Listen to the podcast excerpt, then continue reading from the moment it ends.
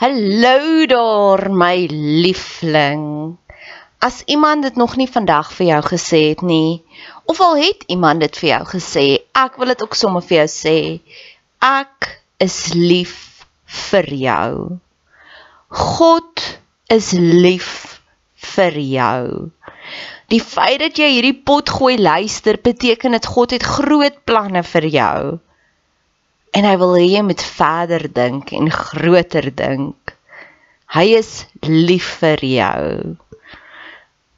Jou Skepper, die een wat jou gemaak het, die een wat jou die mees intiemste ken, hoor jou skree die Harry daar saam om saam te stem. Hulle sê ja.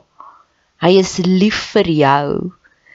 As jy so 'n bietjie love deprived is, bid ek vir jou dat God oomblik tot oomblik vir jou wys hoe lief is hy vir jou. Dis hoekom al die van of al die briewe begin met soveel joy in die Bybel, nê? Nee? Gaan lees bietjie daardeur. Um Johannes skryf, ek hoop dat jou siel 'n skat ryk. Judas skryf, is nou Judas wat hy skryf, liefde is op pad. En ek dink is ook Judas wat praat van mag alles binne in jou jubel van blydskap want God is so amazing. En weet jy hoekom skryf hulle dit? Want hulle het dit ervaar en dit is soos daai liedjie I can't keep keep it in I have to get it out. En dis my seëning vir jou. Al hierdie verhoogde emosies wat ek ervaar, mag jy dit ook ervaar want ek weet hoe voel dit om daaronder te wees en dood te wees binnekant maar ek weet ook hoe voel dit om te vlieg soos 'n arend. Mag jy dit vandag ervaar. Dankie dat jy tyd spandeer op my kanaal. Dankie dat jy jou kosbare tyd investeer. Maak kontak. Ek love dit om van julle te hoor. Niks gee vir my soveel joy soos om te sê 'n boodskap neem. Ek is op al die platforms, Instagram, Facebook. Stuur vir my 'n Facebook boodskap, Bet Seber en ek stuur sommer vir jou my selfoonnommer. Laastens, as jy wil betrokke raak, asseblief doen. Ek het altyd hulp nodig. Hulp nodig aan bemarking, hulp nodig as jy van jou tyd wil investeer in koninkrykswerk. Jy hoef nie net pannekoeke te bak by die kerk bazaar om koninkrykswerk te doen. Jy hoef nie net soos jy Jehovah getuies gaan klop aan deur om te sê wil jy deel word nie. Daar's soveel meer maniere. Geniet die podcast. Dis 3 minute. As jy as jy dit een keer geluister het en jy wil dit elke keer forward, ek gaan jou eer 3 minute. Die vredesmaker se epic failure. Die Here is regtig so lief vir my.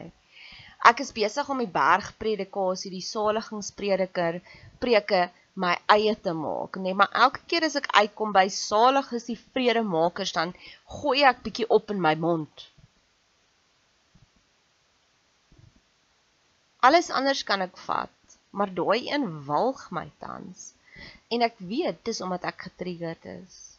En die Here is so amazing, hy laat dinge op 'n groter plek uitspeel wat ek onemosioneel is en dan besef ek o, dit is hoekom ek so gewalg is. Want jy sien, verlede week het president Cyril Ramaphosa en 'n paar ander Afrika lande gegaan na Oekraïne toe en gesê julle moet vrede maak en toe na Rusland toe julle moet vrede maak en toe teruggekom.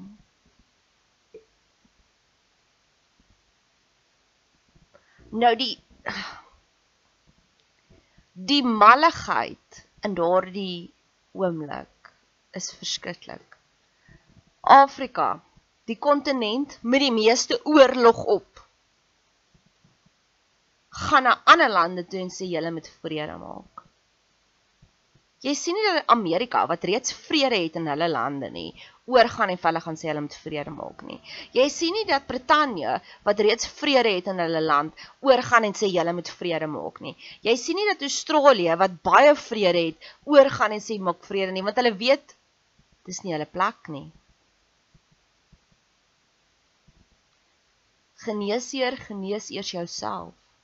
Maar Afrika Die kontinent met die meeste oorlog op, die kontinent wat hulle sê ons ons grond is rooi want hier soveel bloed wat al hier gevloei het en nog steeds vloei. Suid-Afrika wat die derde mees onveiligste land is in die wêreld om in te woon. Hier is miniskaalse oorlogte oral hier in ons land. Ramaphosa kom terug en fiks eers dit hier. Die mini oorlogte wat ek praat van is al die misdaad wat aangaan. Die die boere se moorde, dit was weer erg hierdie week. Die maffias wat oral infiltreer. Daar's in elke industrie staan al 'n maffia. Ek's besig om dit aan die groot klok te lei dat ons is hierso die slagoffer van 'n groot watermafia terwyl ons alweer nie water het nie. Daar's maffias in Eskom. Daar's maffias wat in Graskop nou onlangs ingeneem het.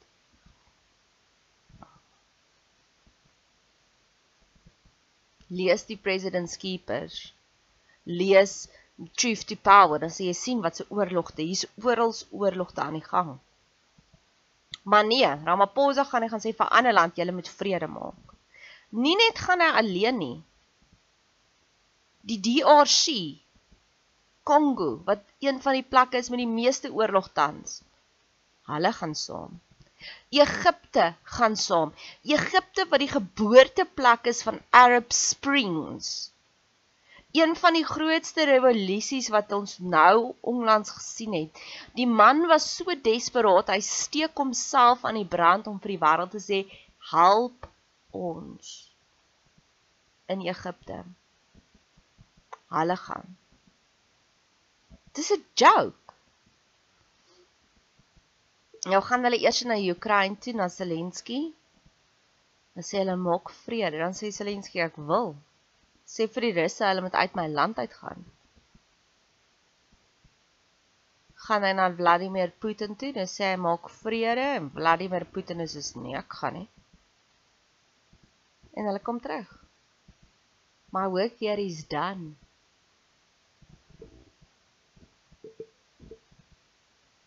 God sê geseënd is die vredemakers. Terwyl hy Ramaphosa in Kaif was, is daar 'n bomaanval en hulle soos nee, dit was nie 'n bomaanval nie. Iemand het net gepoep. Dis dit. Hulle is eers in die ontkenning en toe eventually toe erken hulle dit toe hulle toe nou in St Petersburg was in Rusland. En ek weet van daai ontkenning. En hoekom dit my so na aan die hart lê? Ek is in 'n titaniese oorlogstryd teen die psigopaat narcissus in my lewe. En ek is soos jy gaan my nie meer so hanteer nie. Punt. Hanteer my beter of hou op om my te hanteer, gaan uit my lewe uit. Dis jou twee opsies. En hy kry iemand anders om sy battles vir my te fight. En dis eers ontkenning. En die persoon stuur vir my 7 minute boodskap van oral waar ek verkeerd is en ek is soos ja nadat ek vir hom gesê het hou op om die vredemaker te probeer wees. Jy stuur hy vir my 7 minute boodskap van hoekom is hy die self aangestelde vredemaker Weet jy wat het gebeur?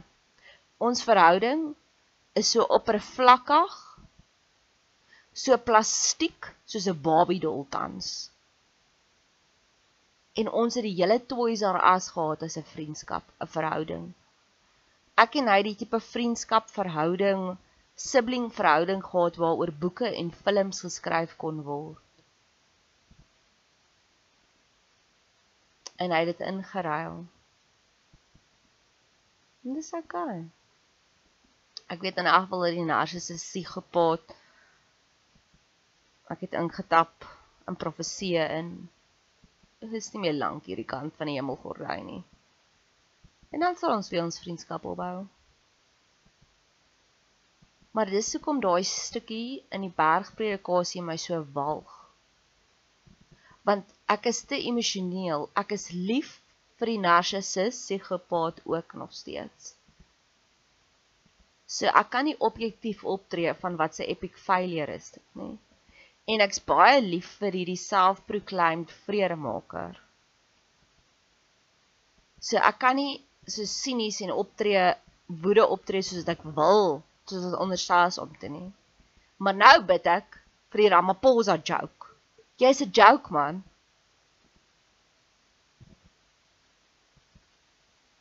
En dit maak dit makliker. En wat dit soveel lekkerder maak vir my is om te sien hoe almal anders gons en walg daaroor. En dit voel vir my al daai emosies wat ek in my eie hartjie saamgedra het van die walglike vredesmakers journey leef almal anders uit en ek sê ja, dis wat ek daar gevoel het. Ja, dis wat ek daar gevoel het. Jesus praat ook van die wolf wat in skaapklere kom. En daai aksie wat die vredemaker gedoen het was 'n wolf in skaapklere. Ons gaan hom nie 'n skaapie noem nie want hy's nog steeds 'n wolf. Hy is nie 'n vredemaker nie. Die fakeness in mense. Die persoon vir wie ek bid dat hy net meer en meer wysheid sal hê laat sy stem net al hoe groter en groter sal wees. Som dit so op wat hy sê van dit is 'n eksistensiële oorlog, wat het dit gesê? Dis 'n ernstige oorlog.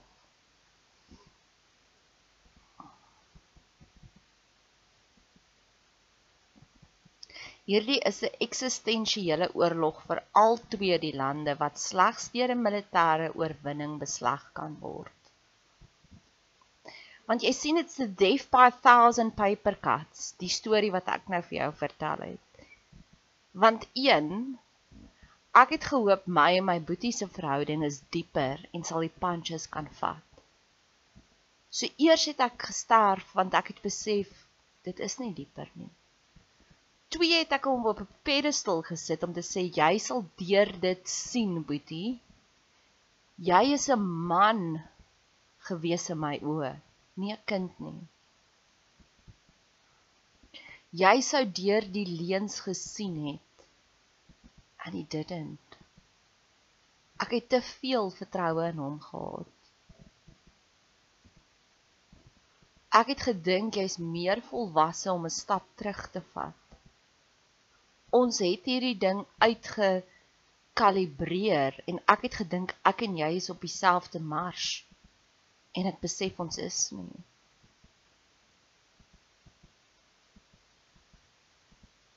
Vir 'n tydperk het hy my gemirror en ek het besef dit beteken hy veg dieselfde oorlog as ek.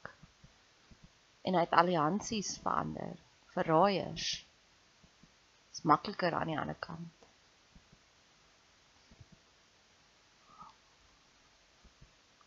Hierdie is 'n eksistensiële oorlog wat nie net met 'n paar mooi woordjies gefiks kan word nie.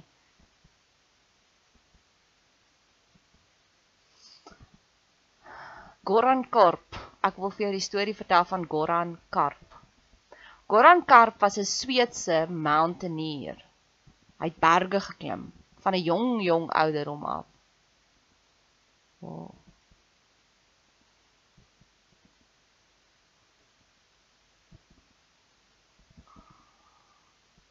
Goran Krop, ekskuus. En hy het besluit hy gaan Everest klim. Maar hy gaan nie net Everest klim nie. Hy gaan 13000 km ver ry met sy fiets. Al die bagasie wat hy nodig het, gaan hy saamvat en dan gaan hy sonder die hulp van 'n Sherpa dit uitklim. En hy het hy het deur oorlogbelaaide lande gegaan om dit te doen. En ons almal het 'n Goran krop uitdaging voor ons. Wat dit vir ons voel, almal anders het 'n maklike pad en ons het 'n moeilike pad.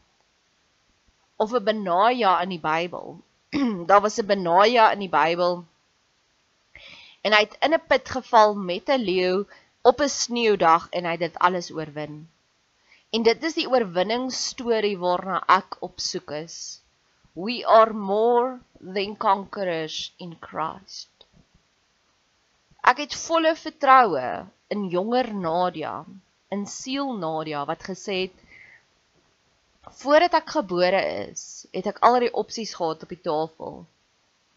Ja, jy kan 'n maklike lewe hê. Of jy kan die Goran krop lewe hê waar die stories wat ek vir jou kan vertel van die aanvalle wat hierdie narcissus psigopaat al op my gerig het en baie meer op my as my ander twee siblings. En ek het ook empatie daarmee. Ek kan gaan poker speel met my wonde en ek sal jou wen.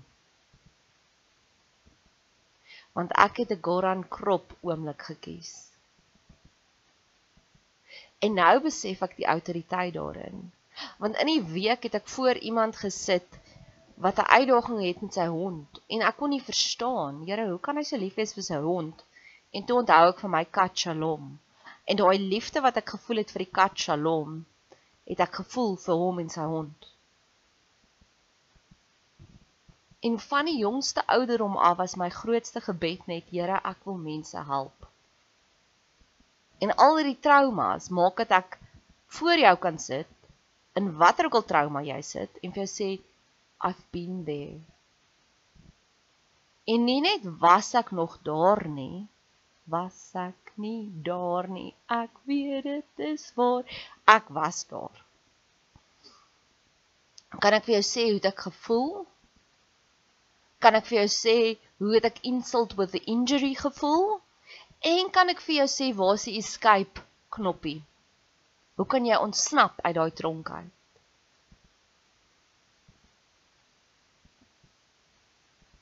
Want ek het dit reeds ontsnap. Ek kan die stemmetjie wees in jou kop wat sê draai links hier, draai regs daar, pas op vir daai vuurbal dish, soos 'n PlayStation game soos daai Islander game. Onthou jy daai Islander game? Ek het daai game gelove. Ek sal dit love om dit weer te speel. Spring oor hierdie mushroompie, eet daai blommetjie. Ek kan vir jou dit vertel want ek was daar. Ek weet hoe's die narratief van 'n narcissus. Ek weet hoe's die narratief van 'n psigopaat.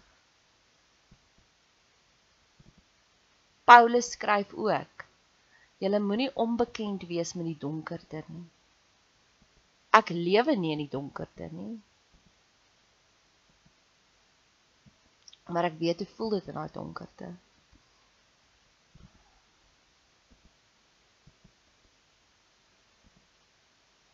Ek weet hoe voel Zelensky en ek wil vir hom bid. Want Zelensky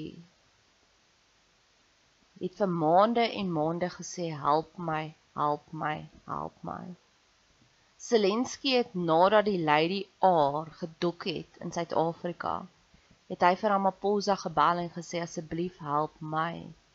Moenie vir hulle oorlogwapens gee nie, gee eerder vir my oorlogwapens. Wat van my?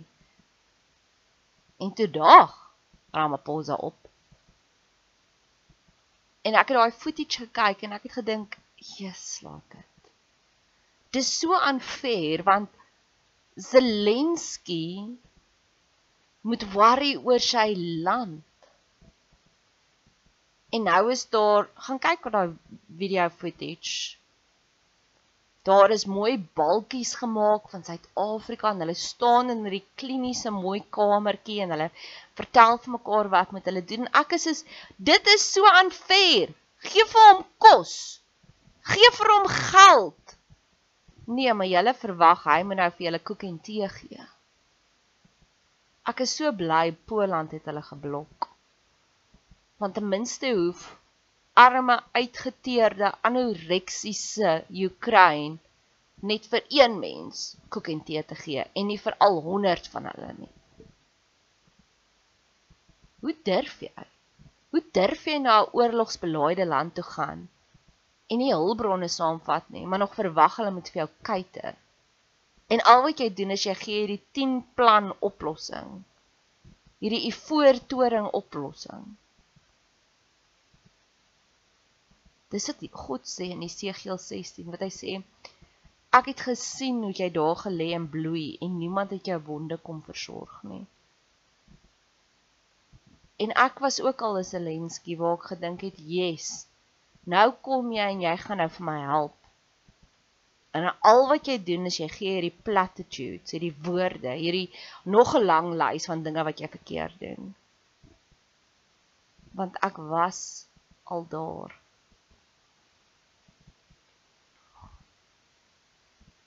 Ek sal graag wil weet wat doen. Wie help regtig vir Zelensky? Want ek weet iemand moet hom help. Hulle was 'n arm land om mee te begin. Maar hulle voer daai oorlog goed. So iewers moet iemand vir hulle wapens gee en geld gee en kos gee baie baie stilletjies natuurlik want niemand wil vir Rusland nog kwaader maak nie. Ek glo dat ja, oeg, hierdie een is al lekker lank. Ek glo ook dat hierdie Oekraïne oorlog is 'n cover-up vir iets anders wat aangaan. Maar ja, ons kan entertain wees tans. Ek het al maande terug Netflix gekanselleer want hier's meer entertainment in die regte lewe. So 'n kantnoot, al partykeer vra mense vir my watse tipe geskenkies wil ek hê. So ek wil net graag hierdie volgende by jou submit. Indien my podcast enigsins vir jou lekker is, is jy baie welkom om vir my 'n boodskap te stuur. Jy kan my vind op op Facebook Betseber, op Instagram Betseber, B E T S E B E R En ek sal met liefde as jy wil my bederf, sal ek met die grootste liefde vir jou details gee. Daar kan jy vir my koffie koop en dan doen ek 'n shout-out vir jou. Dalk kan jy vir my vir my haarkapper 'n geldjie inbetaal, dan gaan doen ek my hare en dan kan ek sê dankie vir jou. Ek hou van praktiese geskenkies. As jy gelei word om dalk as een van my advies dalk vir jou jou lewe makliker gemaak het, raak deel, raak betrokke.